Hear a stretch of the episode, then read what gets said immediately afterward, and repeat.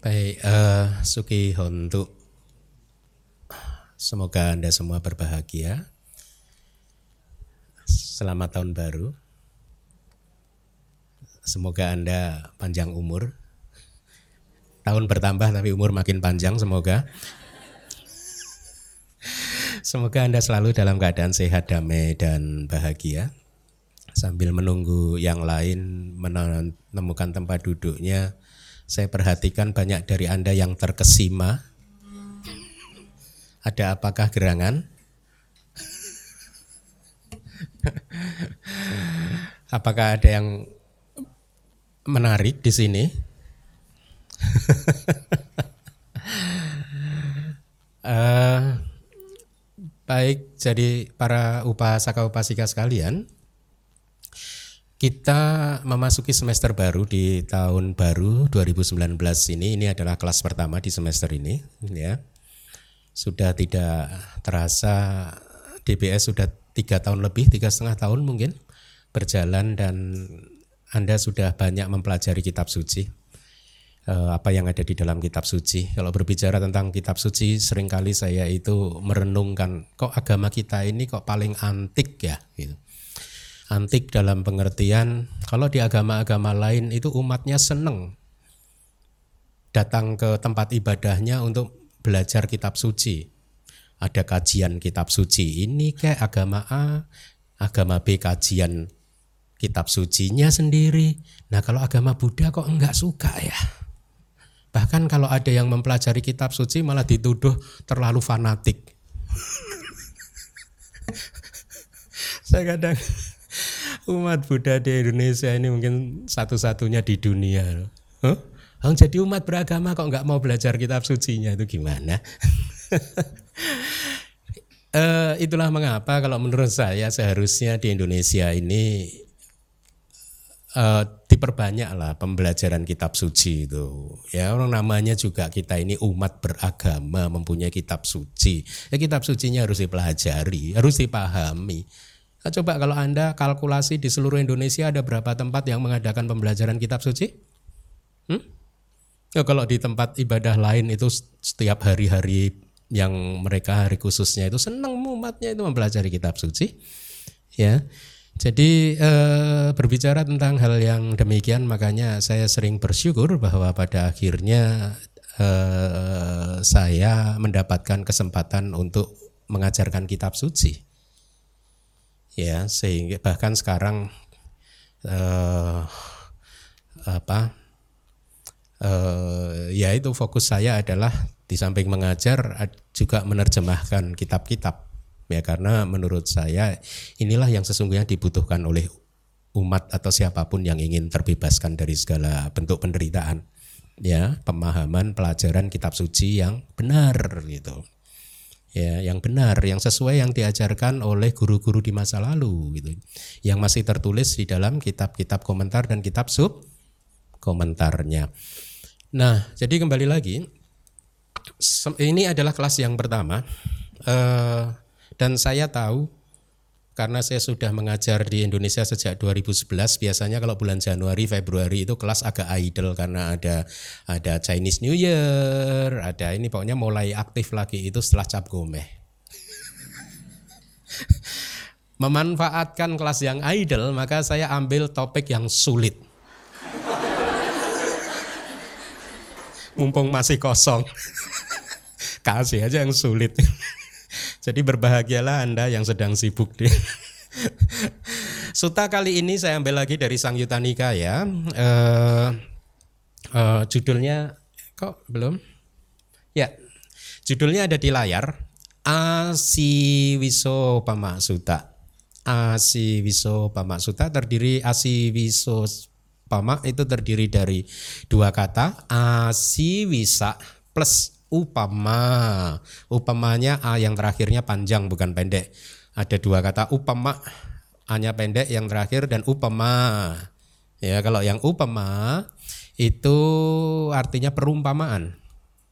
Ya, jadi kayak kayak kayak, kayak bahasa Indonesia kan juga diadopsi ya, upama, umpama. Ya, gitu. Bahasa palinya upama gitu ya. Ah, ya, nanti saya jelaskan. Asi wisa plus upama. Ya. Asi wisa itu artinya ular.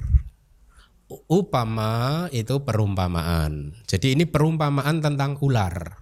Ya. Nah, bahasa Pali sebenarnya Pali itu arti kata Pali itu bukan bukan bentuk bahasa loh sebenarnya. Pali itu artinya teks, ya. Pali itu artinya bisa sebagai kayak kayak benang juga rangkaian yang sesuatu yang dirangkai kayak melalui benang-benang begitu ya. Artinya intinya apa yang ada di dalam Tripitaka itu disebut Pali. Ya, sehingga istilah Pali itu sebenarnya adalah ajaran Buddha yang ada di Tripitaka. Ya. Sedangkan ajaran-ajaran yang ada di kitab komentar tidak disebut Pali meskipun bahasanya secara salah kita pahami komentar dan subkomentar itu memakai bahasa Pali. Ya, bahasanya sama dengan bahasa kitab suci hanya ada perbedaan di sana sini karena perbedaan perkembangan zaman kitab suci kan lebih tua kitab komentar dan subkomentar lebih muda seperti halnya bahasa Indonesia loh bahasa Indonesia tahun 1900 dan bahasa Indonesia tahun sekarang berbeda. Apalagi bahasa Indonesia tahun 1800 kalau ada itu waktu itu pasti akan banyak berbeda dengan bahasa Indonesia yang sekarang. Nah, bahasa Pali yang di kitab suci dan bahasa Pali yang di dalam kitab komentar serta subkomentar itu terasa, ketahuan perbedaannya. Dan perbedaan itu saya menduga terjadi karena perbedaan zaman perbedaan perkembangan agama itu uh, sorry bahasa itu kan selalu berkembang ya bahasa Inggris juga berkembang kalau anda membaca buku-buku kitab suci kita yang ditulis oleh orang bule yang dicetak pada tahun 1900 bahasa Inggrisnya pakai begitu ya uh, dosat Yudo, D T H O U, S H A L T. Apa itu coba? Udah nggak eksis di zaman sekarang kan? Tapi bahasa itu eksis 100 200 tahun yang lalu gitu. Nah, jadi sekali lagi Pali itu artinya sebenarnya apa yang ada di dalam kitab suci, Tripitaka. Itu disebut Pali. Tetapi karena bahasanya seperti itu akhirnya secara salah kaprah sampai sekarang diterima sebagai kebenaran itu sebagai bahasa Pali. Arti dari Pali itu bisa kayak sesuatu yang dirangkai dengan benang kayak kayak kayak, kayak misalkan apa kalau rang untaian bunga itu dirangkai dengan benang. Jadi ajaran Buddha yang diuntai sedemikian rupa, dipersatukan sedemikian rupa, nah itu Pali. Atau sering disebut secara simpel arti dari Pali adalah teks gitu, ya. Jadi kalau uh, ada seseorang mengatakan ya sesuai dengan teks Pali, nah double. Artinya sesuai dengan teks-teks karena Pali itu teks juga kan. Uh, ya, saya tadi berbicara tentang Pali melebar sedikit sebenarnya ingin menyampaikan kepada Anda bahwa bahasa kitab suci, bahasa kitab komentar yang Anda kenal kemudian sebagai bahasa Pali yang secara keliru akhirnya dianggap benar bahwa ini adalah benar bahasa Pali itu sangat memperhatikan eufoni. Eufoni itu apa? Biar enak didengar gitu loh ya. Jadi kalau kayak gini nih awis a, asi wisa upama nggak enak didengar. Maka supaya enak didengar dia disambung sedemikian rupa sehingga meng, ada uh, konsonan atau vokal tertentu yang harus berubah supaya mengucapkannya enak, didengarkannya juga enak. Itu akhirnya berubah menjadi asiwiso pemaksuta. Ya, berasal dari asi wisa plus upama. Asi wisa upama. Asi wisa upama. Disambung jadi awis asi wiso upama. Banyak kata-kata Pali yang seperti itu. Ya, itu pembukaannya. Seperti biasa saya akan minta PIC untuk membacakan sutanya terlebih dahulu agak panjang sepertinya. Wahai para biku, andaikan terdapat empat ekor ular berbisa panas dan mematikan, Kemudian seorang laki-laki berharap untuk hidup, tidak berharap untuk mati, mengharapkan kebahagiaan dan menolak penderitaan.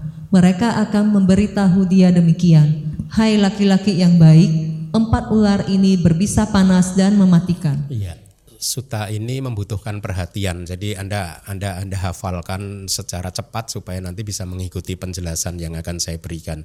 Jadi secara singkat ini bercerita tentang ada empat ekor ular yang berbisa, ya, yang panas dan mematikan. Ya, ya. Kemudian ada orang seorang laki-laki lain ya yang tentu saja tidak pengen mati, dia berharap hidup bisa hidup panjang umur ya e, mengharapkan kebahagiaan dan menolak penderitaan gitu. Maka orang-orang akan memberitahu laki-laki itu, "Hai laki-laki yang baik, diberitahu empat ular ini berbisa loh. Empat ular ini mematikan panas mematikan loh supaya dia aware, supaya dia sadar bahwa jangan main-main dengan empat ular ini." Kira-kira begitu. Kamu harus waspada loh dengan empat ular ini karena begitu digigit bisa mati ini gitu atau bisa menderita itu.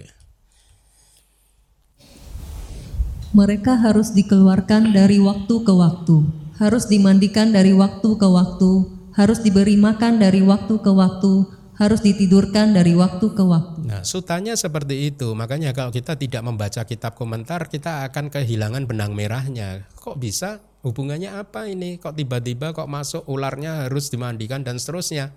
gitu kan. Nah, makanya kita harus membaca kitab komentar. Sekali lagi saya ingin sampaikan kalau mereka menolak kitab komentar lalu bagaimana memahami suta itu ya? Suta yang kemarin terakhir kita babarkan di semester lalu itu kan contoh yang paling bagus untuk menyadarkan mereka yang masih menolak kitab komentar dan suplementar oleh karena itu kita di Myanmar itu kita diajarkan bahwa kita sebagai biku maupun umat itu harus memegang teguh kitab suci. Nah, kitab suci itu strukturnya ada yang disampaikan Bante Wisuda itu. Kitab suci itu nggak berhenti di Tripitaka saja.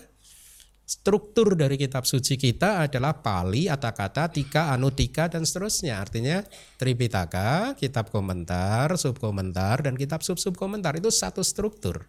Itu semua disebut kitab kita. Gitu ya itu tradisi Myanmar ya yang mungkin bisa jadi tradisi di tempat lain menolaknya. Tetapi itulah yang kami mewarisi dari guru saya kami di Myanmar sana. Nah, Anda tidak akan menemukan benang merahnya antara kalimat awal tadi yang sudah dibaca dan yang sekarang. Anda pasti akan bingung menyambungnya ya. Nah sebenarnya nanti kalau kita baca di kitab komentar itu dijelaskan diberi perumpamaan yang lebih jelas bahwa ada seorang raja titip empat ular ini kepada seorang laki-laki dimasukkan di dalam kotak tapi kemudian diberitahu oleh rajanya gitu.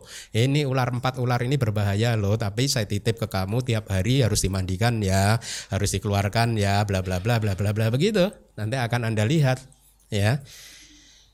Kemudian setiap kali, hai laki-laki yang baik, satu atau yang lainnya dari empat ular berbisa panas dan mematikan ini marah, maka kamu, hai laki-laki yang baik, menuju kematian atau penderitaan yang mematikan.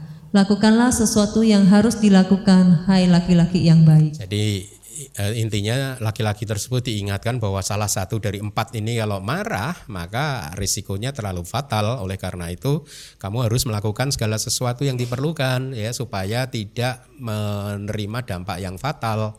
Begitu ya. Kemudian, wahai para biku, ketakutan pada empat ular berbisa panas dan mematikan, laki-laki tersebut kemudian lari ke sana kemari mereka kemudian memberitahu dia demikian, laki-laki yang baik, lima musuh pembunuh menguntit dari belakang dengan berpikir, di mana pun kami melihatnya, kami akan mencabut nyawanya di sana juga. Lakukanlah sesuatu yang harus dilakukan, hai laki-laki yang baik. Jadi ini menarik, si laki-laki tadi ketakutan, dia berusaha lari dari empat ekor ular kan? Eh begitu dia lari diberitahu lagi itu ada lima loh. tambah malah tadi empat ini ada lima nih yang berbahaya nih. Lima musuh dan pembunuh dia itu. Ya menguntit dari belakang gitu.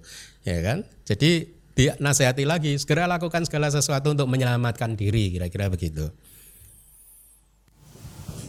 Kemudian, wahai para biku, ketakutan pada empat ular berbisa panas dan mematikan, dan ketakutan pada lima musuh pembunuh, laki-laki tersebut kemudian berlari ke sana kemari, mereka kemudian memberitahu dia demikian, laki-laki yang baik, pembunuh keenam, seorang sahabat karib, menguntit dari belakang dengan pedang terhunus dan berpikir, di mana pun saya melihatnya, saya akan memenggal kepalanya di sana juga.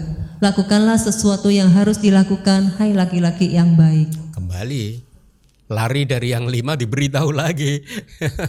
Hei, itu ada sahabat karibmu yang siap apa itu membunuh lo, pembunuh ke enam lo. Nah, segera lakukan segala sesuatu untuk menyelamatkan diri, kira-kira begitu.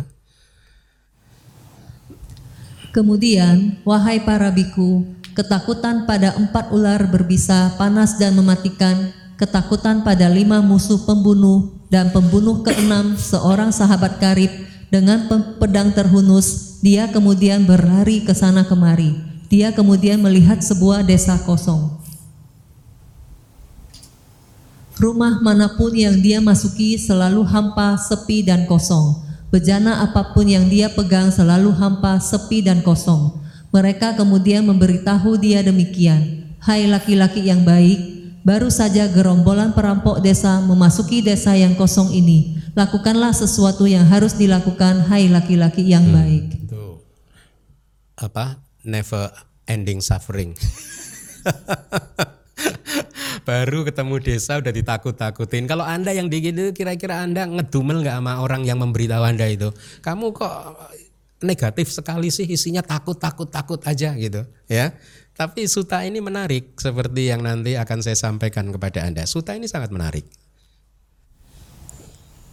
kemudian wahai para biku ketakutan pada empat ular berbisa panas dan mematikan ketakutan pada lima musuh pembunuh dan pembunuh keenam seorang sahabat karib dengan pedang terhunus dan pada gerombolan perampok desa dia kemudian berlari ke sana kemari.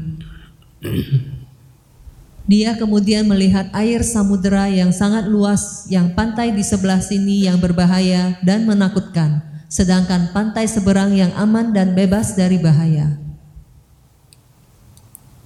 Akan tetapi, tidak memiliki perahu atau jembatan untuk penyeberangan dari pantai di sebelah sini menuju ke seberang, Kemudian, wahai para biku, laki-laki tersebut berpikir demikian.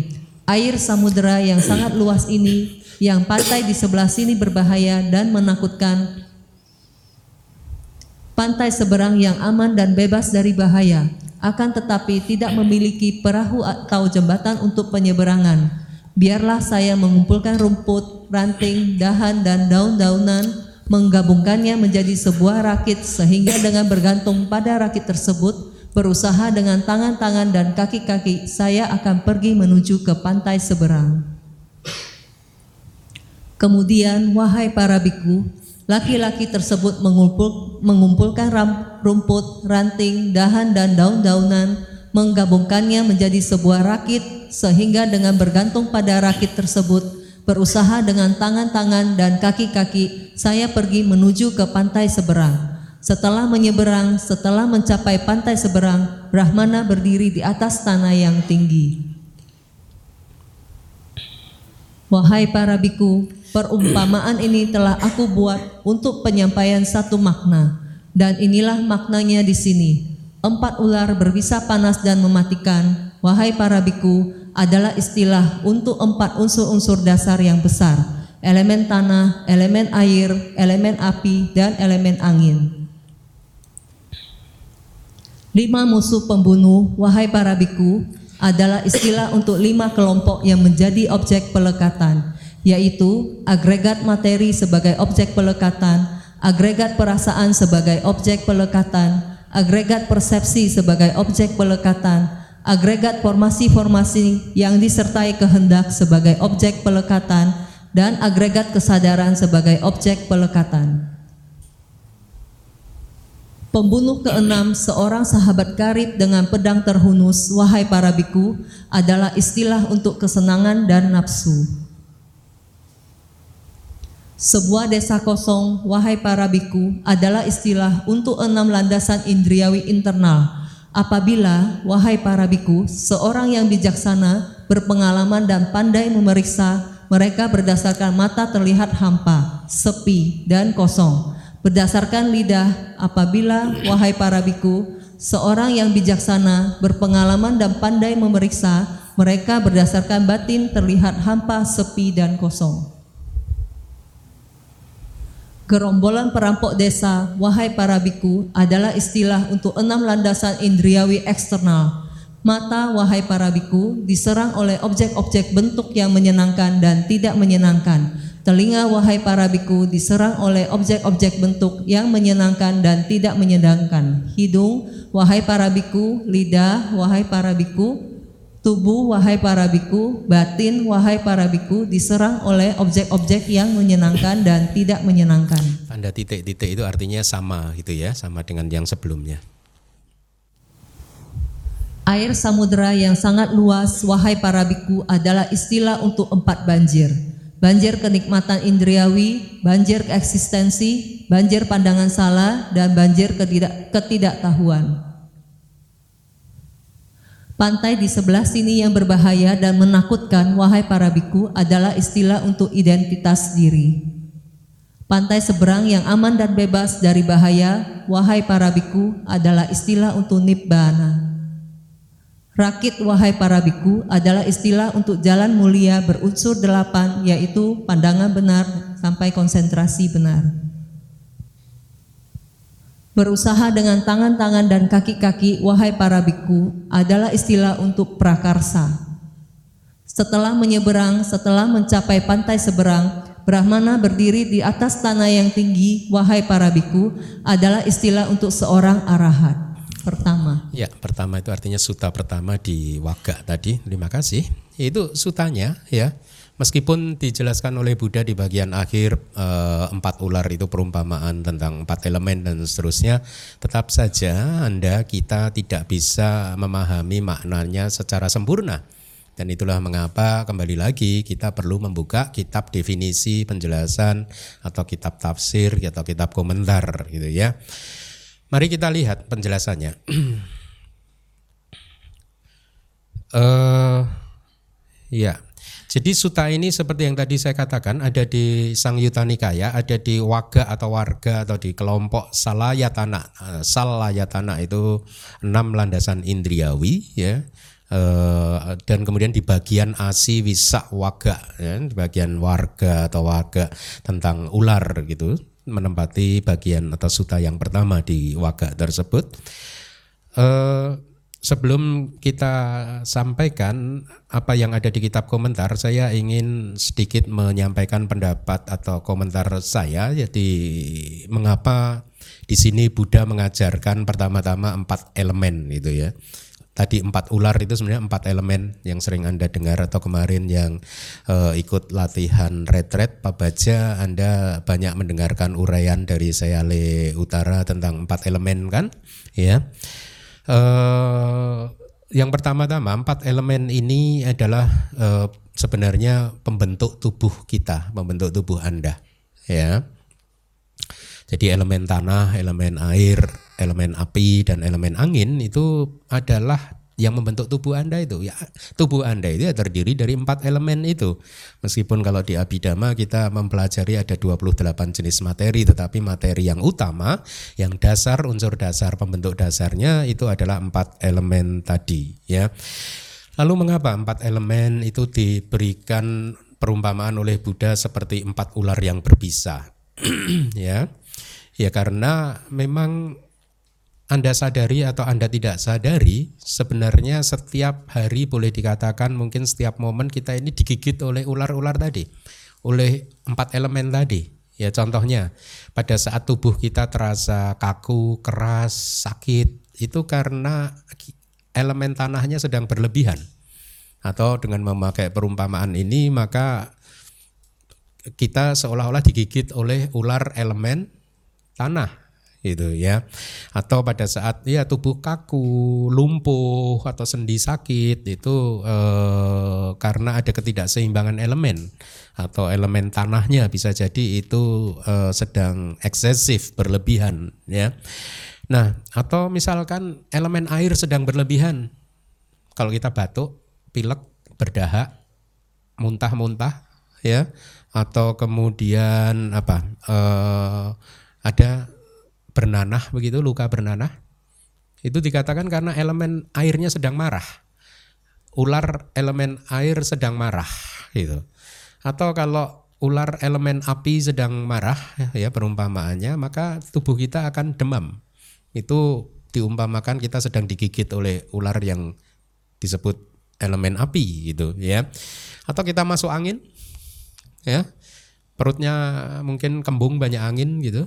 Ya itu karena elemen anginnya sedang berlebihan. Ya, jadi Uh, itulah mengapa uh, suta ini menjadi sangat bagus sekali karena di samping kita nanti akan memahami tubuh kita, unsur-unsur pembentuk tubuh kita beserta sifat karakteristik alamiahnya, kita juga nanti akan mempelajari tentang uh, apa pancu padana kanda yaitu lima kelompok atau agregat yang menjadi objek pelekatan kita ya kemudian enam landasan indriawi internal ya toh kemudian juga enam landasan indriawi eksternal ya kemudian jalan mulia berunsur delapan dan lain-lain. Jadi suta ini sangat menarik. Tapi sekali lagi kalau kita hanya membaca sutanya seperti yang tadi sudah kita baca bersama-sama maka kita tidak mendapatkan pengetahuan yang cukup dalam untuk memahami suta tersebut ya. Nah jadi di dalam kehidupan ini ada empat ular tadi ya yang sangat berbahaya, berbisa, panas dan mematikan ya yang merupakan perumpamaan dari empat elemen. Walaupun se seberapa bagus pun kita mencoba untuk menjaga tubuh kita supaya tetap sehat ya, supaya sehat itu artinya empat elemen ini seimbang, entah dengan olahraga, dengan minum obat-obatan dan lain sebagainya tetap saja satu saat ular ini akan menggigit ya jadi risikonya tinggi mempunyai empat ular ini ya sama-sama berbahayanya dari masing-masing ular ini ya. Dengan demikian karena sama-sama berbahaya seseorang tidak bisa hanya mengurusi satu ular saja sementara tiga ular yang lain tidak diurusi. Anda suka elemen tanah saja tiga elemen yang lain tidak anda tidak anda uh, urusi tidak bisa karena keempat-empatnya ini berbahaya ya. Semua sakit yang diderita oleh semua manusia itu terjadi karena marahnya salah satu atau lebih dari ular-ular berbisa tadi gitu ya. Jadi eh, eh, karena setiap saat ya kalau seperti yang nanti akan kita baca di kitab komentar ya empat ular ini kalau yang tiga tidur yang satu bangun. Yang satu yang bangun ini begitu waktunya tidur yang yang bangun tadi tidur yang tiga bangun. Atau salah satu bangun. Akan selalu ada yang bangun gitu kira-kira dari empat itu. Ya artinya ini perumpamaan. Akan selalu ada penyakit yang diterima di, oleh tubuh kita setiap saat ya. Yang tiga sedang baik-baik saja yang satu memunculkan masalah yang satu ini udah sembuh kita obati misalkan Anda takut aduh ini kayaknya elemen apinya udah terlalu banyak nih kulitnya jadi kering keriput nih ke Korea Selatan aja yuk gitu kan. Sembuh kan dari kulitnya jadi nggak kering lagi nggak keriput lagi sembuh kan. Berarti elemen apinya dan elemen ya elemen api elemen tanah sudah mulai dinetralkan begitu elemen air. Tapi elemen yang lain bermasalah ya. Pulang dari Korea Selatan demam mules. Tetap aja jadi nggak bisa kita lolos dari empat elemen ini ya. Karena setiap saat bangun ada saja yang bangun ada saja yang bermasalah setiap saat gitu. Nah poin saya menyampaikan hal ini adalah untuk menyadarkan anda semua kita semua bahwa ini adalah keadaan alamiah bukan jadi kalau satu saat kita sakit itu bukan sesuatu yang extraordinary bukan sesuatu yang luar biasa. Itu adalah harus, memang harus begitu, harus sakit. Kalau satu saat kulit saya keriput, ya saya berterima kasih berarti saya normal. Nah, kalau saya nggak keriput-keriput kan nggak normal saya. Ya nggak? Jadi saya manusia kebanyakan. Nah, itu poin saya. Jadi kita harus bisa menerima keadaan ini sebagai keadaan yang alamiah. Mau sebagaimanapun kita menjaga tubuh kita, tetap saja empat ekor ular berbisa ini sulit untuk ditundukkan. Selama berada di dalam samsara, tidak akan bisa ditundukkan. Ya tidak akan bisa ditundukkan. Cara menundukkannya bagaimana? Keluar dari samsara, bukan ke Korea Selatan.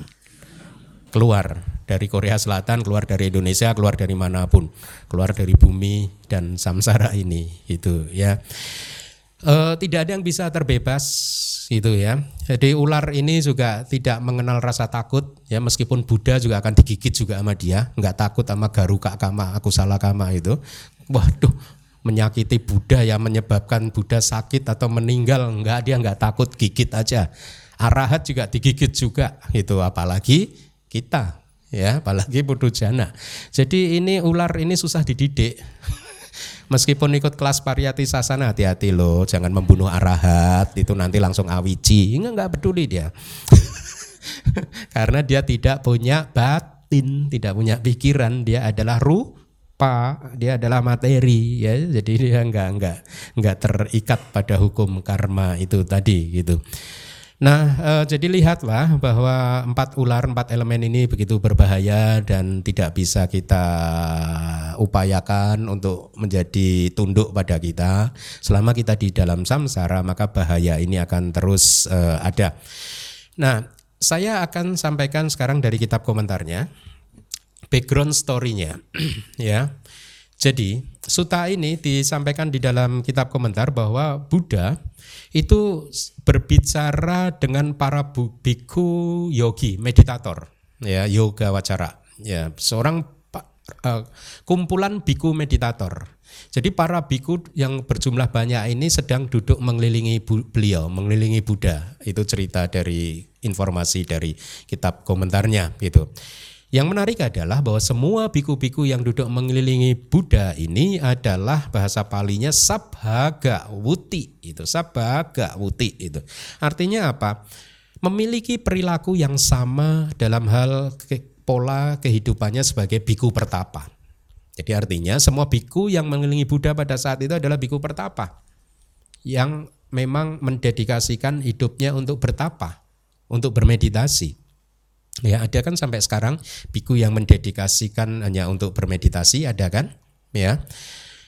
Nah, eh, kitab sub komentarnya memberikan penjelasan Sabhaga Wuti sebagai biku-biku yang memiliki kecenderungan yang sama yaitu sama-sama melatih meditasi dengan objek duka lakana, karakteristik penderitaan. Jadi objek meditasi mereka itu sama, yaitu memahami karakteristik penderitaan gitu. Disebutkan bahwa mereka para biku itu ada yang tinggal di hutan sendirian, ada yang tinggal di hutan berdua, ada yang tinggal di hutan bertiga, berempat atau berlima ya. Jadi suta ini disampaikan kemudian berkaitan dengan watak atau kecenderungan dari para biku yang memiliki uh, kecenderungan yang sama yaitu apa? Sama-sama suka berlatih meditasi atau sama-sama suka praktek pertapaan gitu. Biku-biku yang telah duduk mengelilingi begawan pada saat itu di antara mereka ada beberapa biku oh ini sama dari kitab sub komentarnya memberi tambahan yang sama beberapa biku tinggal sendirian di hutan beberapa dari mereka adalah uh, kalau istilah dari kitab sub, kitab sub komentarnya kalimatnya begini palinya artinya begini beberapa dari mereka adalah diri sendiri sebagai yang kedua. Artinya apa? Tinggal berdua Beberapa dari mereka adalah diri sendiri sebagai yang ketiga. Artinya apa? Tinggal bertiga. Diri sendiri sebagai yang keempat. Diri sendiri sebagai yang kelima dan seterusnya. Itu saya sampaikan supaya Anda tahu. Makanya saya tadi katakan eh, kitab Pali, kitab komentar dan kitab subkomentar itu ada agak memiliki perbedaan karena muncul dari perbedaan zaman gitu. Nah, singkat cerita mereka semua yang mengelilingi Buddha adalah para biku hutan itu ya. Nah, eh, pertama-tama kita diberi informasi bahwa makhluk itu dibedakan menjadi empat jenis. Jadi manusia pun kita juga termasuk makhluk, kita termasuk salah satu dari empat jenis ini ya. Yang pertama adalah individu yang mampu memahami dhamma melalui uraian ringkas. Bahasa palinya uga titanyu bugala. Ayo ikuti saya uga titanyu. Sekali, sekali lagi. Lengkap. Uga titanyu bugala. Yuk. Bahasa Indonesianya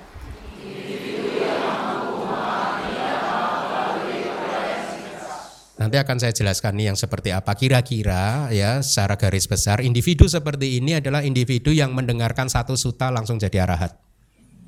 Anda sudah mendengarkan 20 suta sejak tahun ini. Masih ngak-nguk, ngak-nguk.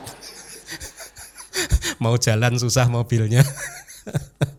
Apa-apa. Individu yang kedua adalah Wipanci Tanyu Pugela. Yuk. Bahasa Indonesianya. Beliau ini adalah jenis individu pada waktu dibabarkan satu suta selesai belum mencapai apa-apa.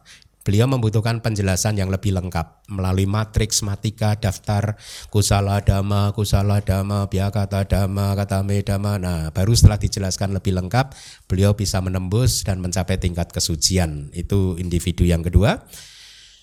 Individu yang ketiga bahasa palinya adalah Nea Pugela. Bahasa Indonesianya? Ya, individu ini diberi satu suta nggak cukup, tetap ngak-nguk. Diberi penjelasan lebih dalam lagi tetap belum bisa. Beliau harus dibimbing pelan-pelan, ya. Di berasosiasi dengan teman yang baik, guru yang baik dan seterusnya dalam proses yang cukup lama baru mencapai tingkat pencerahan. Individu yang terakhir adalah pada peramak pugela. Bahasa Indonesianya Ya itu saya terjemahkan letterlek apa sesuai dengan kata palinya. Pada peramak itu ya pada itu kata atau kalimat gitu ya. E, peramak itu tertinggi jadi pada yang tertinggi kata adalah yang tertinggi gitu. Nah sekarang anda bertemu dengan empat terminologi ini ya apalah saja tadi masih hafal? Uga titanyu pugala. Wi panci tanyu pugala. Nea Pugala. Pada Parama Pugala. Nah, jadi semua makhluk itu salah satu dari empat ini. Ya tidak bisa dua, Anda mau dua. Pada Parama dan pada Parama, pada Parama. satu, kita masing-masing satu aja, jangan serakah-serakah ya. Eh, kalau di kelas-kelas yang dulu itu saya tidak menggunakan istilah teknis ini, tapi kalau anda ingat ini saya terjemahkan menjadi kira-kira yang pertama adalah seorang yang sangat cerdas secara spiritual. Sangat cerdas sehingga dengan satu suta tercerahkan. Yang kedua adalah orang yang cerdas saja secara spiritual. Yang ketiga adalah orang yang tidak cerdas secara spiritual, jadi harus dibimbing. Yang keempat itu sama sekali nggak cerdas. ini orang yang parah gitu. Tapi banyak juga di zaman sekarang ini juga yang pada perama. Bisa jadi kita pun adalah pada perama Bugala. ya. Nah, disebutkan bahwa ya ini menariknya kitab komentar memberi informasi kepada kita bahwa para biku yang datang duduk mengelilingi Buddha itu adalah individu yang kedua yaitu Wipanci Tanyu Bugela ya yang datang dari berbagai penjuru dari berbagai wilayah setelah datang pada waktu pelayanan ya saat yang tepat untuk melayani Buddha, membersihkan wihara gitu. Setelah itu selesai semuanya, mereka duduk mengelilingi Buddha untuk mendengarkan khotbah Buddha yaitu suta ini gitu ya. Kemudian Buddha pun membabarkan suta Asi Wisopama Suta gitu. Nah, eh ya ada catatan dari saya. Individu yang keempat pada Peramak Pugala ini adalah individu yang tadi sebelum saya jelaskan kan. Kalau yang ketiga neak pugala itu kan harus dibimbing pelan-pelan ya. Yang pada parama itu namanya adalah kata adalah yang tertinggi artinya apa di dalam kehidupan ini itu dia hanya bisa memahami kata-kata saja. Hanya bisa memahami teori saja. Itu udah tertinggi buat dia. Lebih dari itu sudah tidak bisa. Artinya mencapai jana, maga dan pala sudah tidak bisa dia Nah, tetapi buat pada para mak ini meskipun dia memahami teori, maka pemahaman teori yang dia dapat di dalam kehidupan ini akan menjadi penopang untuk kenaikan karir spiritual dia di kehidupan yang berikutnya. Mari kita lihat penjelasannya. Saya ada catat itu penjelasan-penjelasannya. yang pertama, uga titanyu pugela adalah individu yang mencapai kearahatan hanya melalui e, ringkasan matika suta ini. Itu saya beri tanda kurung ini artinya hanya sebagai contoh saja bahwa dengan satu suta saja sudah cukup. Ya. Jadi di dalam kitab komentarnya diberi penjelasan misalkan para biku ya, misalkan hingga menyeberang melampaui brahmana. Oh, ini adalah tika, tika itu kitab subkomentar kalimat para biku misalkan hingga menyeberang melampaui Brahmana berdiri di atas tanah yang tinggi. Ini sebenarnya kan awal dan akhir dari suta ini tadi kan ya. Jadi inilah yang dimaksud dengan ringkasan matika. Matika itu kayak matrix kayak table of content gitu apa ya bahasa Indonesianya ya. Ya matrix gitu. Jadi itu hanya kayak kayak ringkasan ringkasannya saja gitu. Ya suta ini dianggap juga sebagai matika ya. Jadi uga titanyo pugela individu yang sangat cerdas secara spiritual ini hanya dengan mendengarkan matika atau satu suta seperti Asi Wisopama Suta ini dia bisa mencapai arahat. Ya. Kemudian eh ya dari kitab subnya ada penjelasan ini tata tata ya sak pugala sak saha udah hata wela ya dhamma abisamayo hoti Dhamma abisamayo, penembusan. Jadi individu yang memiliki penembusan atau realisasi dhamma itu arti dari dhamma abisamaya ya. Seseorang yang memiliki atau mampu menembus atau merealisasi dhamma hanya dengan melalui penyampaian yang singkat. Ya, jadi itu uga titanyu, uh, titanyu bugela. Kemudian yang kedua, wipanci Tanyu Bugela adalah individu yang mencapai tingkat kesucian arahat melalui urean matika suta tadi secara detail dan panjang lebar. Ya, jadi satu suta tadi tidak cukup, membutuhkan penjelasan lagi, bertanya, ya Buddha ini maksudnya apa sih gitu. Jadi perlu dibimbing sedikit lagi gitu, ya. Uh, dikatakan bahwa dia ini adalah seseorang yang widharitang atang janati. Dia adalah seseorang yang atang janati, memahami makna witaritang. Witaritang itu secara perincian panjang lebar. Jadi dia baru akan paham kalau sudah diperinci secara panjang lebar atau secara detail gitu. Jadi individu ini memiliki pemahaman dhamma hanya ketika maknanya telah dirinci atau dianalisis dengan detail dan diucapkan dengan singkat. Ya. Apa? Jangan dipandang, jangan diremehkan loh. Kok sampai harus segitunya sih? Lah Anda coba. Tiga tahun diure-ure juga belum. Apalagi kita kalau belajar Rabi Dhamma itu hari Sabtu itu coba ah, sampai diurai begini, urai begitu, ditarik ke kiri, tarik ke kanan, nggak paham sih. nah ini lumayan Wipanci Tanyu Pugala ini ya. Beliau bisa mencapai pencerahan hanya dengan uraian-uraian begitu. Yang ketiga adalah Nea Pugala. Individu yang akan mencapai kearahatan dengan nih lihat berasosiasi, berteman, bersahabat dengan para para kalyanamita ya atau juga kemudian dengan mempraktekkan yuniso manasikara ya artinya ini bermeditasi tidak hanya yuniso manasikara di dalam kehidupan sehari-hari tapi dalam praktek meditasi juga kemudian mempelajari suta ini misalnya dan menanyakannya ya seperti kita semua ini. Kita belajar suta ini kita tanyakan setiap hari Sabtu hari Minggu ya. Eh, kira-kira seperti itu ya. Tapi ada syarat syarat yang lain yaitu yuniso manasikara itu perhatian yang bijaksana.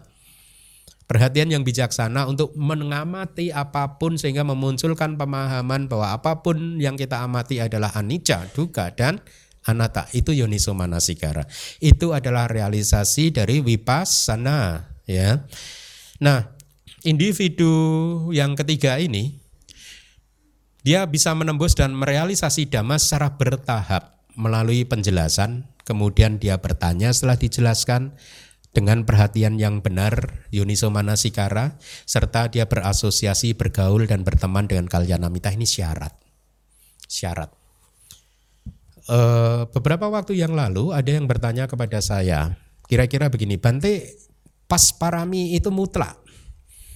Parami masa lalu itu mutlak untuk mencapai pencerahan. Kira-kira mutlak enggak? Parami masa lalu itu. Hmm?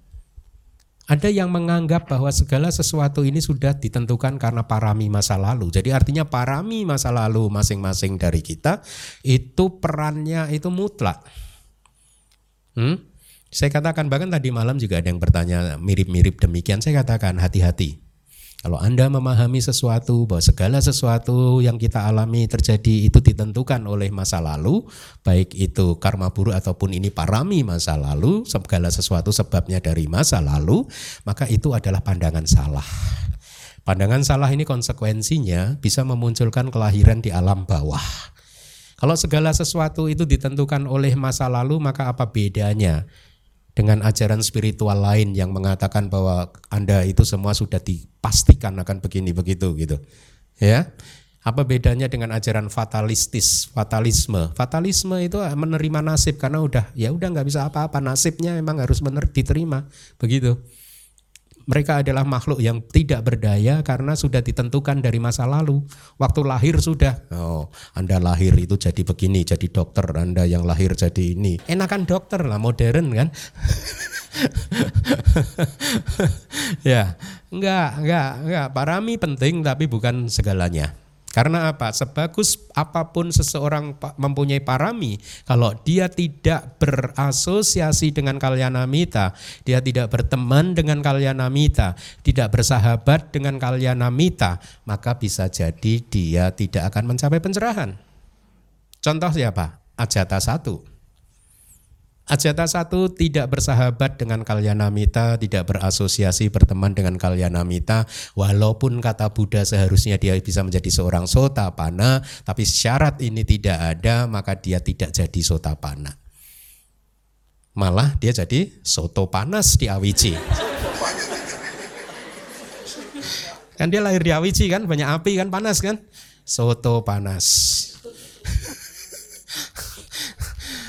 ya makanya berasosiasi berteman bersahabat dengan kalyana mita itu penting ya. Makanya saya itu sering saya sangat apa rejoice begitu melihat di DBS ini sudah terbentuk kalyana mita ya. Kenapa saya katakan demikian? Karena saya lihat mereka Anda yang sudah berkumpul di eh, berteman di DBS ini sama-sama saling mendorong satu dan yang lainnya untuk belajar kitab suci. Satu. Sama-sama saling mendorong satu dan yang lainnya untuk bermeditasi. Satu. Dua. Sama-sama saling mendorong satu dan yang lainnya untuk praktek atas sila. Ya kan? Banyak kan yang sudah udah begitu kan? Ya. Inilah kalian namita dan ini harus dipupuk. Gitu ya. Ada beberapa umat yang menyampaikan kepada saya Bante, saya seneng loh di sini. Umat-umatnya itu ya kalau habis ceramah itu nggak ada loh Bante yang nge ngegosip. Cie, nggak ada yang ngerumpi, nggak ada Bante gitu. Cie, langsung ding ding ding ding besar dia kepalanya dia. sadu ya, sadu, sadu, bagus gitu, bagus ya. Bagus, jadi waktunya positif. Tadi pagi juga saya katakan kita harus pandai-pandai mengatur waktu kehidupan kita. Ya, karena sebenarnya kita itu punya banyak waktu, hanya sering kali kita tidak pandai mengatur, sehingga tidak menentukan skala prioritas mana yang penting, mana yang tidak penting. Sehingga yang dilakukan malah yang tidak penting. Penting nggak punya waktu nih kayaknya meditasi, siapa bilang? Kalau kita pandai mengatur waktu maka akan selalu ada. Yang penting-penting itu akan kita dahulukan. Tadi saya katakan, oh tadi pagi jam 6 saya sempat sempat berpikir sebentar, aduh sudah nggak ada lagi nih yang dilakukan ya jam 6 pagi saya masih punya setengah jam ini. E, sebelum mandi setengah tujuh gitu, dari jam 6 saya sampai jam 6.30 ngapain ya? Langsung teringat, oh baca parita. Langsung baca padana. Ya, jadi waktu yang kosong itu tidak dibiarkan begitu saja tetapi diisi dengan hal-hal yang baik. Nah itu yang saya harapkan juga Anda lakukan. Eh, pandai-pandailah mengisi pikiran dan hati Anda dengan hal-hal yang baik. Nah jadi anda sekarang paham ya bahwa kita harus berasosiasi, berteman, bersahabat dengan kalyana mita karena sebagus apa pun parami Anda kalau Anda tidak berteman, bersahabat dengan kalyana mita, malah sebaliknya Anda bersahabat dengan a kalyana mita, Teman yang tidak baik, parami Anda nggak berguna, nggak berbuah, nggak berkembang. Contohnya ajata satu. Ya, ada banyak contoh lain di kitab suci yang sama. Kalau Anda salah bergaul, masa depan yang terang, gilang, terang benderang bisa saja jadi gelap gulita. Karena salah pergaulan. Ya. Nah, selanjutnya individu yang keempat yaitu pada parama pada setang sutang anagate wasana bawi satiti ya. Jadi artinya eh, etang sutang, suta ini bawisati akan menjadi ya ingatan masa lalu. Eh, itu eh, apa? Eh, wasana. Wasana itu ingatan ya. Masa lalu di masa depan anagate di masa depan untuk individu pada para masa untuk pada parama untuk individu kata adalah yang tertinggi itu terjemahan dari kalimat palinya jadi artinya apa Buat individu yang keempat ini, apa yang mereka pelajari ini akan menjadi ingatan masa lalu di masa depan. Artinya apa? Besok dia lahir lagi sebagai manusia, dia ingat apa yang dipelajari. Oh iya ya tahun 2019 saya mendengar di DBS ya. Katakanlah ini tahun sekarang 3019, jadi 1000 tahun kemudian kan Anda 1000 tahun lagi Anda jadi biku semua, biku hutan ya Biku hutan duduk mengelilingi guru Anda, mendengarkan ceramah Asi Wisopama. Eh kayaknya udah pernah dengar loh ini. Kapan ya? Langsung Anda ini Wah iya di DBS itu. di DBS untung saya waktu itu duduk paling depan jadi mendengarkan dengan jelas. Nah, setelah ceramah selesai Anda saling bertanya dengan biku yang lain gimana tadi? Paham kan asi wisopama tadi? Itu kan kamu dulu? Iya agak paham sih karena saya duduknya di pojokan belakang dulu itu jadi sayang menyesal juga ya saya. Ya kira-kira begitu artinya pada para mak itu. Jadi apa yang dipelajari di kehidupan ini akan diingat lagi di kehidupan yang depan di zaman sekarang banyak yang mampu mengingat hal-hal seperti ini. Bagaimana mereka mempelajari Tripitaka katakanlah 200 300 tahun yang lalu, 400 tahun yang lalu, 500 tahun yang lalu, 1000 tahun yang lalu. Banyak yang bisa ingat. Makanya begitu gurunya berceramah, saya doanya berceramah, banyak yang bisa, eh kayaknya saya pernah ingat ini. Gitu.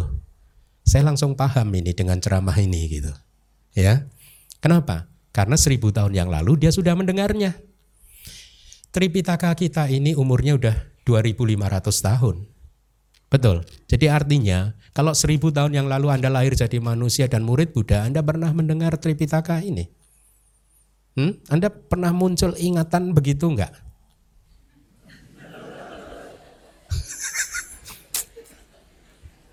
Benar-benar patut dikasihani.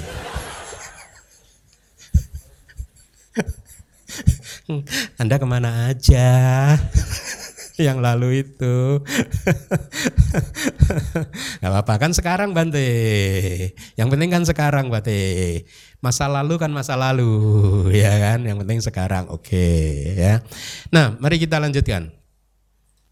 Jadi di penjelasannya ada tambahan lagi tentang individu yang keempat. Individu jenis ini walaupun dia telah banyak mendaras, mendaras itu ya apa ya kayak kayak kayak misalkan murid kita murid Abidama di acara Katina kemarin yang Cita Sanggata si Cita Sanggaha Wibaga mendaras tuh mengucapkan mengulang dengan mengeluarkan kata-katanya gitu Hah, masih ingat nggak murid-murid Abidama kita kemarin Hah? Sama dama tulang sasa dama ganu tamang. Ada berapa kemarin? 30 ya? 30 murid loh ada di YouTube itu. Itulah mendaras. Dan itu biku biasanya begitu. Kalau pas senggang beliau akan jalan ke sana sama ini sambil meng menghafal, mencoba untuk mengulang itu tadi. Jadi individu jenis keempat, walaupun sebanyak apa pun dia mendaras seperti itu tadi, menghafalnya dan mengucapkannya, ya, tapi penembusan dhamma tidak muncul melaluinya. Walaupun sebagai eh, sekeras apa pun dia berlatih meditasi juga, penembusan dhamma tidak bisa muncul. Artinya apa? Individu jenis ini tidak bisa mengalami pencerahan di dalam kehidupan ini. Ya tidak bisa. Mungkin kalau di dalam abidama ya dia ini bukan individu yang tiga akar itu ya, ya mungkin dua setengah akar. Ada nggak sih dua setengah? Nggak ada ya. ya, maka demikianlah empat jenis makhluk atau individu. Jadi Anda termasuk yang mana setelah dijelaskan tadi? Hmm?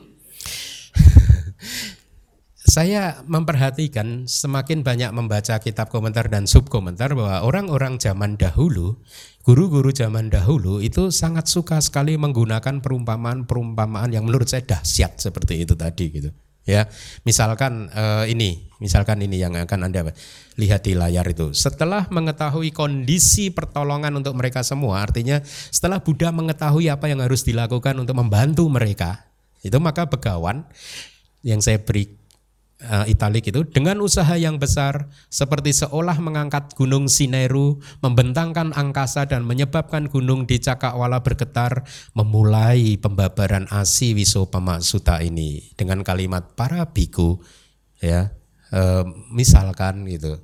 Ada empat ular berbisa begitu. Jadi itu perumpamaan yang yang dahsyat gitu ya. Nah, uh, apa eh, penjelasan seperti seolah mengangkat gunung Sineru atau Sineru itu artinya apa yang diuraikan di dalam suta ini adalah kondisi yang sesungguhnya sangat sulit untuk dilihat dan tidak umum untuk yang lain artinya apa? Kalau bukan Buddha nggak mungkin bisa mengurai ini seperti ini karena bagaimana Buddha bisa melihat tentang empat elemen ya tentang pancu padana kanda yaitu lima agregat yang menjadi objek e, pelekatan tentang sifat karakteristik dari landasan e, e, landasan indriawi internal dan eksternal ya itu bisa ditembus karena Buddha. Kemarin di acara Pabaja saya Le Utara kan juga menguraikan itu. Nah saya Le bisa menembus itu karena ada Buddha kan yang menemukan pertama, yang menembus pertama kan Buddha, kemudian disampaikan ke murid-muridnya dan semua murid menjaganya, melestarikannya dari generasi ke generasi dari guru diturunkan ke murid, murid jadi guru turunkan lagi ke muridnya, murid ini jadi guru turunkan lagi ke muridnya sampai sekarang. Sampai kemudian kita bisa uh, mengikuti jejak-jejak uh, beliau tersebut.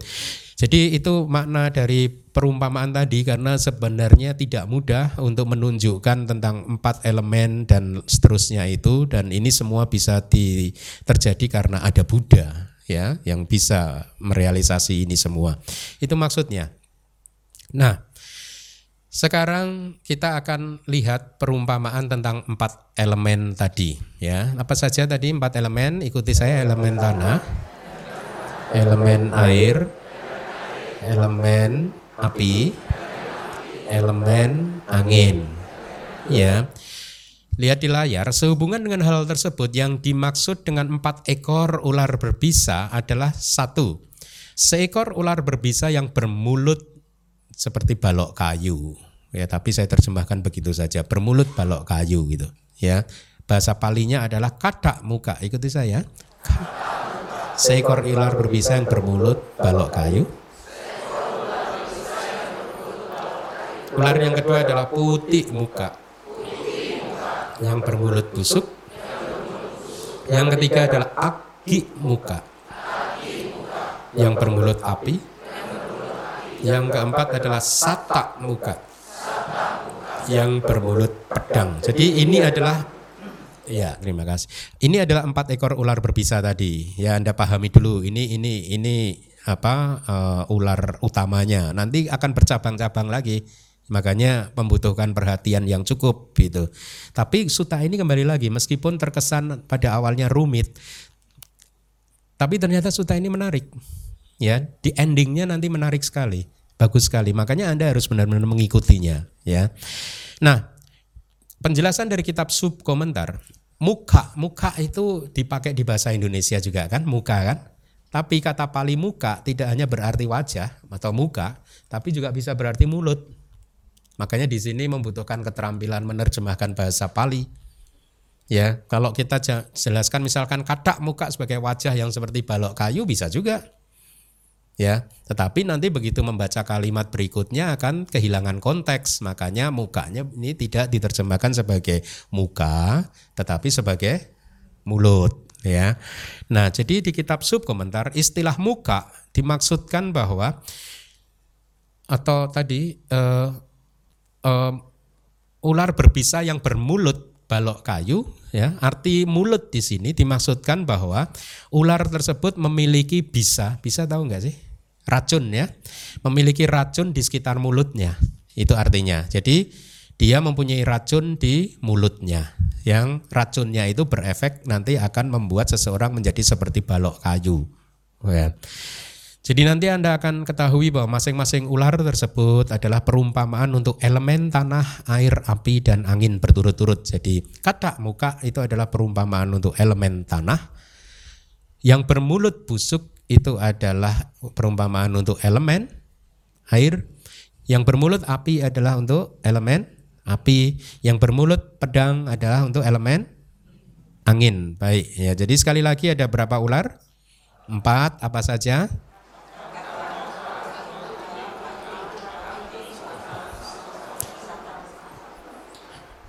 Karena Anda begitu, saya sekarang ceramahnya juga begini ya. Jadi jadi sehubungan dengan hal tersebut. Ayo, apa empat-empatnya?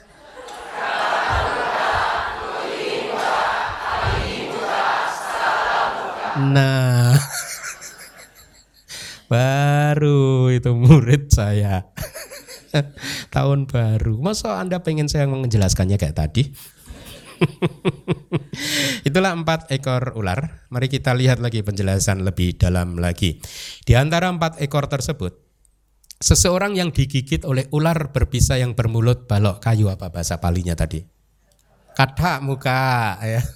Sekujur tubuhnya menjadi keras kaku seperti sebatang balok kayu kering, berdiri tegak seolah seperti di antara sendi-sendinya diberi banyak sekali pancang yang terbuat dari besi. Artinya pokoknya sendinya dipancang sehingga nggak bisa ditekuk lagi. Ada kan ya orang-orang yang kayak sampai kayak gitu ya sakitnya ya. Sendinya udah sulit ditekuk. Ya itu karena digigit oleh ular kata muka. Itu artinya elemen tanahnya sedang marah sedang berlebihan begitu. Itu menurut kitab penjelasannya ini. Ini harus di challenge sama dokter-dokter ini bener nggak? Kemudian yang kedua, ya ini hanya sebenarnya ini hanya apa e, penjelasan untuk pengantar ke poin yang penting di belakang nanti. Seseorang yang digigit oleh ular berbisa yang bermulut busuk sekujur tubuhnya menghasilkan dan mengeluarkan nanah seperti sebuah nangka matang yang busuk dan air yang dituangkan ke dalam penyaring susu. Saya tidak mendapatkan penjelasan yang cukup dari kitab komentar disebutkan penyaring susu di sini adalah seperti di, uh, air yang dituangkan ke dalam penyaring potas, tahu ya, potas atau penyaring minuman keras para pencelup kain. Jadi maksudnya mungkin adalah air yang dituangkan di sini tiba-tiba menjadi berbau di dalam saringan itu ya saringan yang demikian menjadi kental seperti lendir seperti nanah begitu. Jadi airnya jadi kental. Itu itu yang dimaksud. Jadi seseorang yang digigit oleh ular berbisa yang bermulut busuk masih ingat nggak bahasa palinya? Putih muka ya putih muka itu sekujur tubuhnya mengeluarkan nanah seperti perumpamaannya nangka ya nangka. Benar ya bahasa Indonesia itu ya nangka matang yang busuk dan air yang dituangkan ke dalam penyaringan susu, penyaring susu. Kemudian yang ketiga, seorang yang digigit oleh ular berbisa yang bermulut api, bahasa palinya apa? Oh, pinter ya, agi muka. Sekujur tubuhnya bertaburan seperti segenggam abu atau segenggam sekam. Kalau elemen api sedang marah, maka tubuh jadi kering kerontang. Semakin kering, semakin dia bertaburan. Ya, E, contohnya ya abu. Abu itu bisa bertaburan karena kering. Kalau ada air yang nggak bertaburan dia menggumpal dia menyatu kan. Ya sama seseorang yang kayak kita keriput makin lama makin keriput karena elemen apinya mulai mengganas. Jadi kulit kita makin kering, makin kering, makin kering begitu kan. Lama-lama jadi abu. Di di di kremasi Grand Heaven kan jadi abu juga kan ya atau segenggam sekam ya kemudian yang keempat seorang yang digigit oleh ular berbisa yang bermulut uh, pedang tadi bahasa palinya apa satha muka bagus satha gitu ya Sekujur tubuhnya terbelah seperti suatu tempat yang terkena petir. Jadi kalau di masa lalu sering diberi perumpamaan, tanah lapang terkena petir dia langsung lo, bolong, lobang kan? Ada lobangnya kan? Itu ya.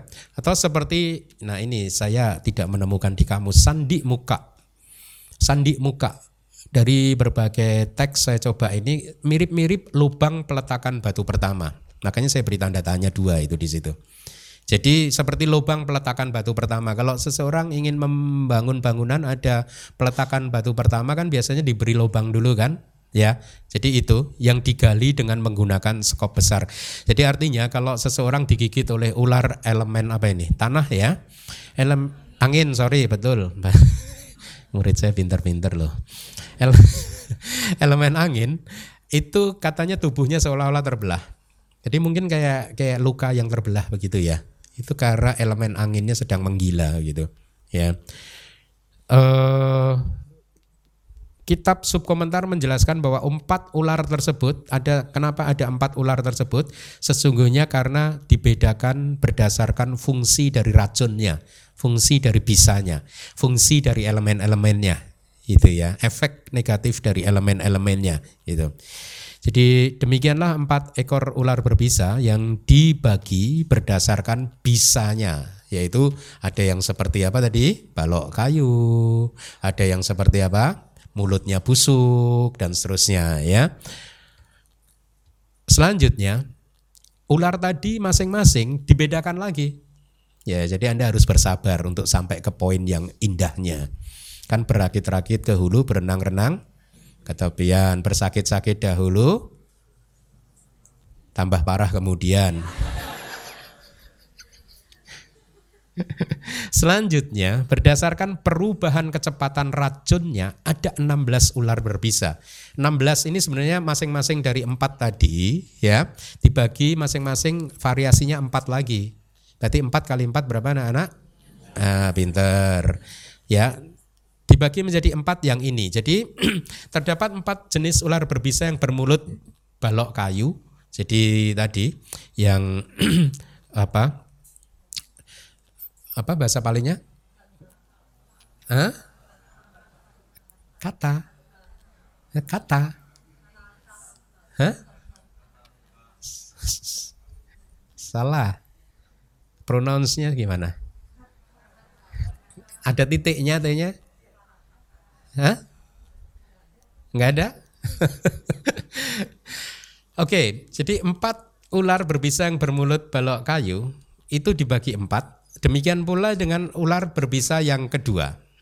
Ya, yang kedua itu juga dibagi empat, yang ketiga juga dibagi empat, yang keempat juga dibagi empat. Empatnya adalah yang ada di layar, yaitu yang terkena racun seseorang terkena racunnya dengan hanya melalui digigit, dengan melalui digigit. Yang kedua, seseorang akan terkena racunnya dengan cara hanya dilihat saja. Yang ketiga, terkena racun dengan cara disentuh. Yang keempat terkena racun dengan melalui anginnya. Ya, ada kan ular yang menyembur itu gitu langsung terkena racunnya kan. Tapi anginnya ada airnya ya harusnya ya. Mari kita lihat penjelasannya.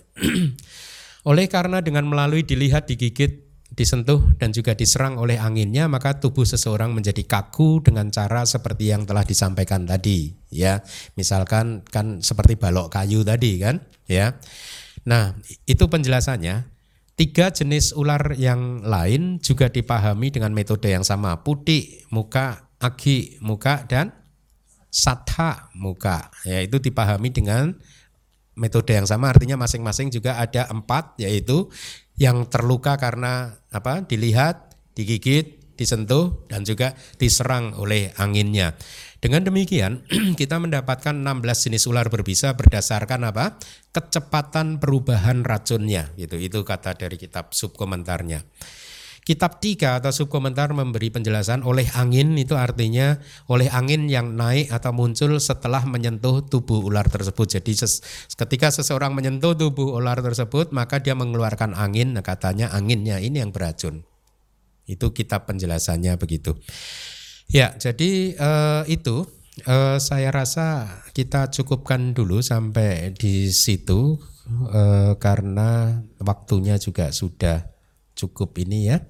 Saya sudah meminta kepada semua apa uh, kepada panitia bahwa kelas sebaiknya diselesaikan jam 11.30 sudah ini. Terima kasih.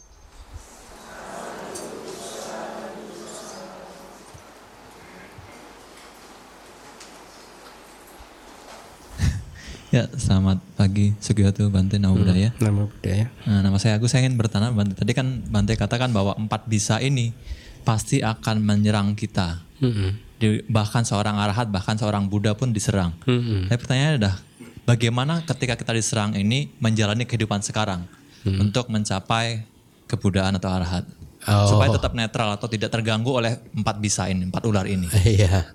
Terima kasih. Bagaimana supaya tidak terganggu? Ya. Sebenarnya nanti di bagian akhir dari suta ini dijelaskan apa yang harus kita lakukan tadi yang dia berlari ketemu dengan eh, pantai ya dengan samudranya yang luas, pantai sebelah sini itu berbahaya, pantai seberangnya aman, damai begitu ya. Kemudian dia mengumpulkan dahan, ranting, daun, membuat rakit kan. Kemudian menyeberang sampailah ke pantai seberang. Itu yang harus dilakukan. Nah tapi itu apa? Itu adalah perumpamaan tentang mengembangkan jalan mulia berunsur delapan untuk me, eh, apa, merealisasi dhamma bahwa semuanya kosong. Tadi kan disebutkan kosong, hampa gitu kan. Sepi gitu. Eh, tapi bagaimana merealisasinya? Ya mengembangkan jalan mulia berunsur delapan itu tidak lain dan tidak bukan adalah mempraktekkan sila, samadhi dan panya. Ya, saya tadi mungkin belum menyampaikan eh, meskipun di suta ini tidak dijelaskan secara tegas, tetapi para seyado di Myanmar itu mengajarkan kepada kami semua bahwa untuk saat ini Uga Titanyu Pugela dan Wipanci Tanyu Pugela sudah habis stoknya. sudah tidak ada lagi. Itu yang kit- kami dapatkan dari guru-guru kami di Myanmar. Jadi dua jenis individu yang pertama itu sudah mencapai nibbana semua. Ya, seperti yang Arya Sariputa, yang Arya Mahamogalana Ananda itu sudah mencapai nibbana semua. Jadi jangan berharap Anda tercerahkan hanya mendengarkan suta. Saya doa mengajarkan kepada kita untuk manusia yang tersisa ini dia adalah dua yang terakhir yaitu apa tadi? Nea pugala dan pada parama pugala ya. Yang bisa mencapai jana maga dan pala adalah nea pugala saja ya. Nea pugala nea. Nea itu harus dituntun ditarik dibimbing gitu itu arti dari kata nea berasal dari akar kata ni tulit gitu. Ya. Jadi harus di dilit harus dipimpin harus dibimbing begitu harus diarahkan. Ya. Oleh gurunya gitu. Dan harus berkumpul berasosiasi dengan teman yang baik. Nah sekarang syarat pertama saya tanya anda semua udah memenuhi syarat pertama berkumpul berasosiasi dengan kalian amita? Beneran kan di sini di sana di luar sana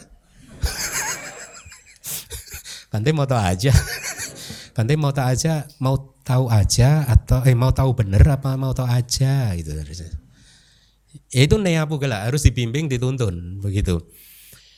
Jadi apa yang harus dilakukan? Mengembangkan jalan mulia berunsur delapan sila samadhipanya semua harus dikembangkan. Kalau Anda ingin, kita semua ingin mencapai nibbana, harus mengembangkan jalan mulia berunsur delapan. Nah, pelajari apa itu jalan mulia berunsur delapan. Apa itu sama didik, sama sangkapa, sama waca, sama kamanta, sama ajiwa, sama wayama, sama sati, sama samadhi. Apa saja dipelajari. Ini harus penuh semuanya delapannya. Gitu. Ya singkat cerita, Anda harus mempraktekkan sila, kemudian harus berlatih meditasi untuk mengembangkan samadhi, untuk kemudian bisa mengembangkan panya. Itu yang harus dilakukan. Ya, jadi semuanya jangan berhalu hanya mendengarkan suta Anda jadi sotapana. Anda sudah saya ajarkan 30 suta mungkin ada ini 20 suta. Belum jadi juga. Mau sampai kapan? gitu ya. Oke, ya. Itu tadi sebelahnya ibu-ibu ada yang mau tanya.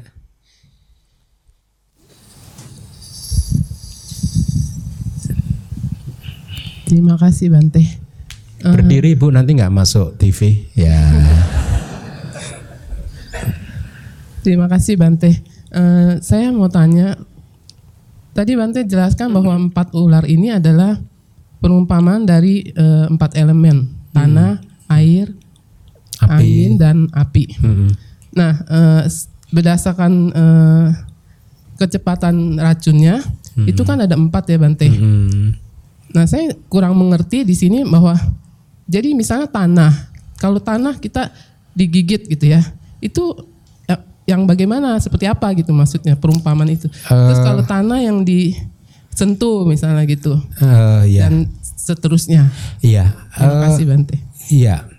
Jadi dari empat ekor ular tadi masing-masing dipecah menjadi empat lagi kan tadi apa tadi Eh, yang kena bisanya hanya dengan melihat saja atau setelah digigit atau disentuh dan juga kena apa serangan dari anginnya itu sesungguhnya itu hanya perumpamaan bu tidak dalam realitas hanya perumpamaan saja untuk untuk memberikan gambaran kepada kita betapa sesungguhnya empat elemen ini berbahaya dan kita tidak bisa melakukan upaya apa pun untuk menjinakkannya selama masih berada di dalam samsara.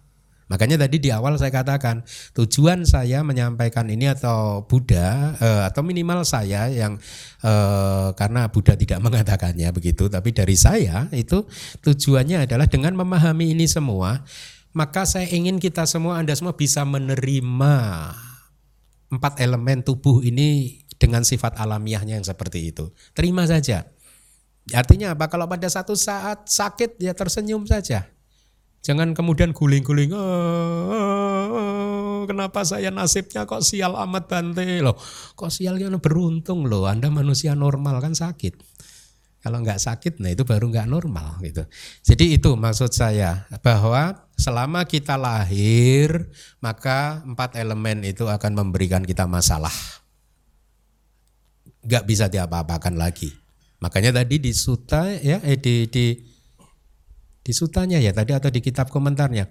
Kalau yang tiga tidur, yang satu bangun. Kalau yang bangun ini nanti tidur, yang tadi tidur bangun lagi.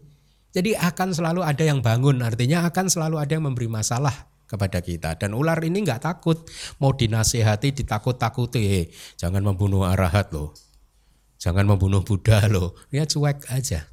Makanya arahat digigit juga sama dia, Paceka Buddha digigit sama dia, Buddha digigit sama dia gitu. Buddha kan sering diare, pernah baca itu enggak? Itu karena digigit ular air. Pinggangnya sakit. Toh? Digigit apa? Sakit tanah gitu. Ya, Buddha aja sakit. Makanya itu tadi poin yang saya sebenarnya ingin tekankan untuk tahap awal dari suta ini. Terimalah tubuh ini dengan segala sifat alamiahnya yang memang sudah tidak bisa dihindari lagi. Kita bisa minum vitamin, kita bisa berolahraga supaya menjaga tubuh ini sakit. Ya kita berusaha tapi pada saat meskipun kita sudah minum vitamin dan berolahraga, toh kita masih sakit lagi, terimalah bahwa itu memang harus begitu. Ya, itulah dharma. Ya, banyak manusia yang tidak bisa menerima pada saat mereka tubuhnya sakit. Kemampuan dia tidak bisa menerima kenyataan bahwa dia harus sakit, itulah yang sesungguhnya membuat dia menderita. Jadi seseorang menderita bukan karena dia sakit. Paham? Seseorang menderita karena dia tidak bisa menerima bahwa dia sakit. Paham bedanya? Sakit tidak akan membuat kita menjadi menderita kalau kita bisa menerimanya dengan lapang dada. Itulah ajaran Buddha. Dari segala yang sudah diceritakan tadi, ya, kita diajarkan untuk bisa menerima kalau satu saat digigit ular tadi. Bukan menolak. Ya. Bukan kemudian malah eh, tidak bisa menerima dan kemudian malah bereaksi secara negatif. Itu tujuannya. Paham semua? Ada yang tidak setuju? Awas. Baik, terima kasih.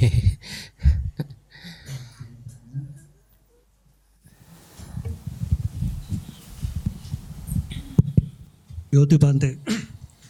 Tadi ada jenis ular berbisa. Lalu masing mempunyai empat kecepatan bisanya Bante. Lalu hubungannya dengan apa? Hanya rupa yaitu tanah, air, api, angin karakteristiknya Bante. Kok sepertinya tidak nyambung Bante. Apa tadi? Putus-putus loh. Dengan eh, rupa yang ada tanah, air, api dengan 12 karakteristiknya. Seolah-olah kok tidak nyambung Bante ya. Tidak nyambungnya bagaimana? Tadi kan ada kecepatan bisa ular Bante ya. Hmm. Terus masing-masing mempunyai 4 jadi 16. Terus nanti Oh, apa hubungannya dengan Baik, baik. dengan Baik, baik, baik. Oke. Ya, terima kasih. Begini, beliau bertanya tentang 12 karakteristik. Nah, jadi harus dijelaskan dulu apa itu 12 karakteristik. Jadi dari empat elemen elemen tanah, air, api dan angin itu mempunyai empat uh, 12 karakteristik. Ya. Elemen tanah itu mempunyai karakteristik yang paling banyak yaitu apa? Berat, ringan, keras, lunak, kemudian kasar, lembut ya kasar atau halus ya. Berat itu misalkan Anda menjinjing tas terasa berat. Itu karakteristik elemen tanah. Kalau pada saat tidak menjinjing tas akan terasa ringan, itu karakteristik dari elemen tanah. Kemudian keras ya pada saat mungkin Anda sakit, tubuhnya sakit, kalau Anda pencet itu keras, maka kayak gini ini keras ya. Itu atau lunak lawan kebalikannya itu juga elemen tanah e, kasar itu kayak misalkan anda kalau dulu guru mengajarkan itu kayak lidah digesek ke gigi untuk mendapatkan persepsi tentang kasar. Ya itu kasar ya. Lawan dari itu lembut. Jadi ada berapa tadi elemen tanah 6 terus tiga elemen yang lain masing-masing karakteristiknya dua elemen air itu eh, elemen tanah air yaitu menetes dan kohesi Kemudian elemen tanah, air, api, apa? Panas dan dingin. Kemudian elemen angin apa? Mensupport, ya. E, kemudian sama mendorong, ya. Jadi itu 12 karakteristik. 12 karakteristik ini adalah realitas hakiki, Pak. Siapa tadi yang bertanya tadi? itu adalah karakteristik dari elemen itu yang bisa diverifikasi melalui pengalaman meditasi. Ya. Sedangkan perumpamaan yang disampaikan di kelas ini tadi itu hanyalah perumpamaan saja. Ya. Dia hanya perumpamaan yang bersifat konvensional. Kalau yang 12 karakteristik itu bersifat hakiki. Jadi beda level sama-sama benar. Jadi mana yang benar, mana yang salah, semuanya benar karena benar dalam levelnya masing-masing. Yang satu memakai bahasa sehari-hari konvensional, yang 12 karakteristik itu adalah dhamma yang memang mempunyai membawa karakteristik alamiahnya. Artinya kalau Anda bermeditasi ingin menembus elemen tanah, maka Anda akan ketemu salah satu dari enam karakteristik tadi. Hmm, akan ketemu. Begitu Anda penetrasi, tep Anda ketemu ringan, oh itu elemen tanah. Ya. Kemudian anda terasa ada yang menekan mendorong itu elemen angin misalkan. Kok dingin itu elemen eh, api dan seterusnya. Jadi berbeda level. Sama-sama benar tapi berbeda level. Contoh yang paling mudah adalah Buddha mengajarkan sesungguhnya tidak ada saya.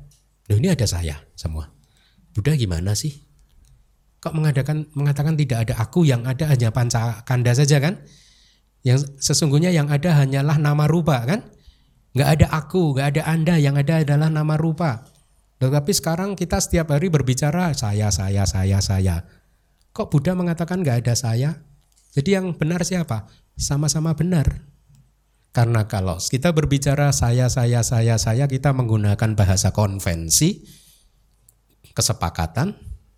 Tapi pada saat Buddha mengatakan tidak ada saya, yang ada adalah nama rupa, Buddha menggunakan bahasa realitas hakiki, para mata dhamma.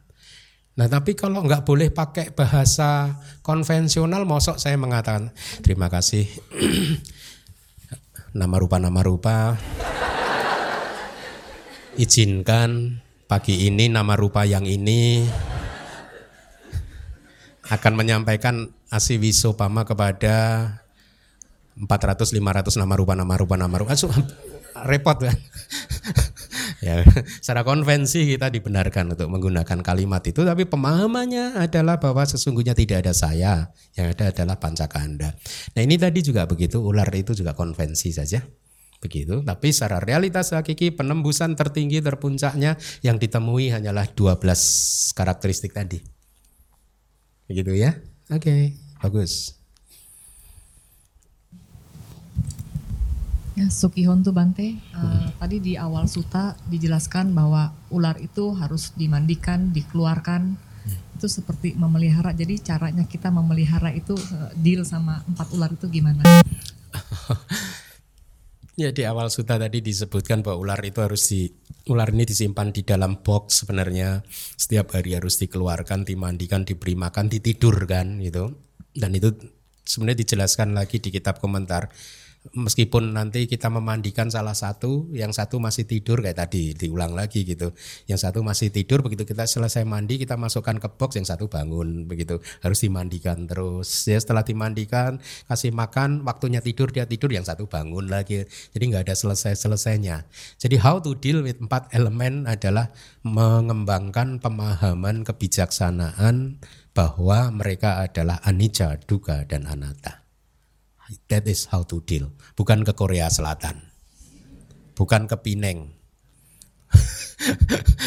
untuk berobat. Berobat boleh, tapi satu saat kita harus tahu bahwa memang itu adalah karakteristiknya. Ada saja penyakit akan tiba pada masanya di mana penyakitnya nggak bisa diobati. Seseorang berobat sembuh dari satu penyakit, penyakit yang lain menunggu. Kan begitu. Jadi intinya selama siapa pun saja berada di dalam samsara, maka dia tidak bisa lepas dari ancaman empat ular ini. Siapa saja, termasuk Buddha. Itu Buddha juga nggak bisa kan, nggak bisa keluar. Mahamogalana yang paling sakti, orang sakti loh kalahnya sama penjahat. Iya kan? Itu artinya tubuhnya juga ini. Tapi kan Mahamogalana tidak berteriak, artinya tidak melal, tidak menolak kenyataan bahwa dia disiksa oleh penjahat-penjahat. Dia tidak mengeluh. Buddha juga tidak mengeluh waktu kena diare, kena sakit pinggang, tidak mengeluh. Nah, itulah poinnya sebenarnya. Jangan mengeluh. Karena mengeluh adalah aku salah. Mengeluh keluhan adalah hal yang tidak baik. Jadi kembangkan sikap untuk menerima. Saya sering kalau pagi ditanya umat yang datang, gimana Bante sehat? Hehehe, lumayan. Padahal nggak sakit ya saya jawab lumayan. nggak ada keluhan. Ya memang harus sakit ya sakit. Begitu. Jadi ya kita bisa how to deal, kita bisa melakukan segenap daya upaya seperti yang tadi saya sampaikan, minum vitamin, berolahraga ke dokter dan lain sebagainya. Tapi pemahaman yang benar harus muncul bahwa memang ini sifat dari tubuh jasmani. Ya toh? Kan jati piduka, jera piduka, meran, uh, biadi piduka, biadi itu. Jadi sakit adalah duka, ya sudah ya. Bahwa sakit adalah duka. Ya. Tetapi sebenarnya sakit adalah duka itu kan kalau kita tidak bisa menerima. Kalau kita bisa menerimanya dengan lapang dada ya sakit ya hanya sakit saja. Makanya di suta yang lain Buddha mengatakan hmm, hmm, sutanya kepada nama sutanya saya agak lupa. Jadi suta ini bercerita tentang suami istri yang sudah hidup di beberapa kehidupan selalu jadi suami istri. Oh, mungkin nakulapita mungkin nakulapita. Jadi di banyak kehidupan mereka jadi suami istri. Pada satu hari Nakulapita ini ayah dari Nakula ini uh, sudah merasa tua, sakit-sakitan, beliau adalah murid Buddha yang sangat uh, apa ya istilahnya devout gitu. Setiap hari berdana ya berbakti kepada Buddha. Satu hari dia merasa usia sudah uh, cukup tua sehingga tubuh dia juga sudah sakit-sakitan dan dia hari itu bertekad datang ke wihara untuk menyampaikan sesuatu bahwa sesampainya di hadapan Buddha, Buddha uh, beliau berkata begini, Buddha, saya sudah cukup tua usia saya dan saya sudah mulai sering sakit-sakitan. Mungkin untuk ke depannya saya tidak akan bisa sesering ke wihara seperti biasanya. Ya mungkin akan jarang ke wihara. Ya untuk kali ini pun saya harus berjuang untuk ke wihara katakan begitu.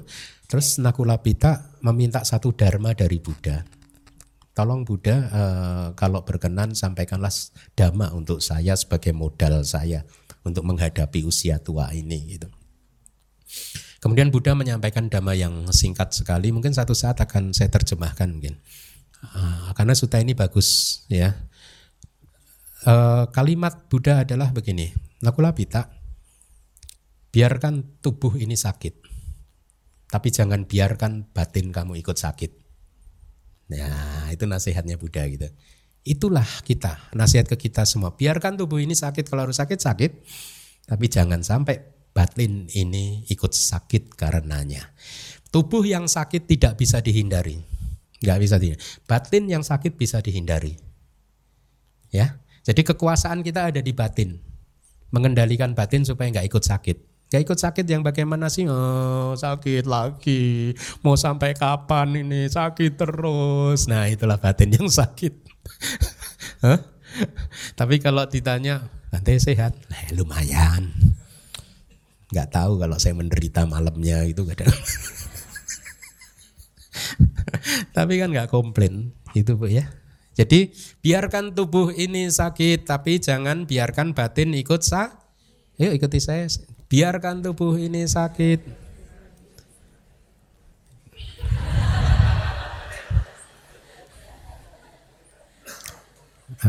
Yuk ikuti saya, yuk.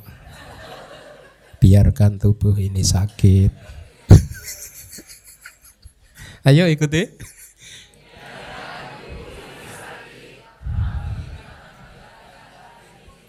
Biarkan tubuh eh, biar tubuh ini sakit tapi batin tidak akan ikut sakit.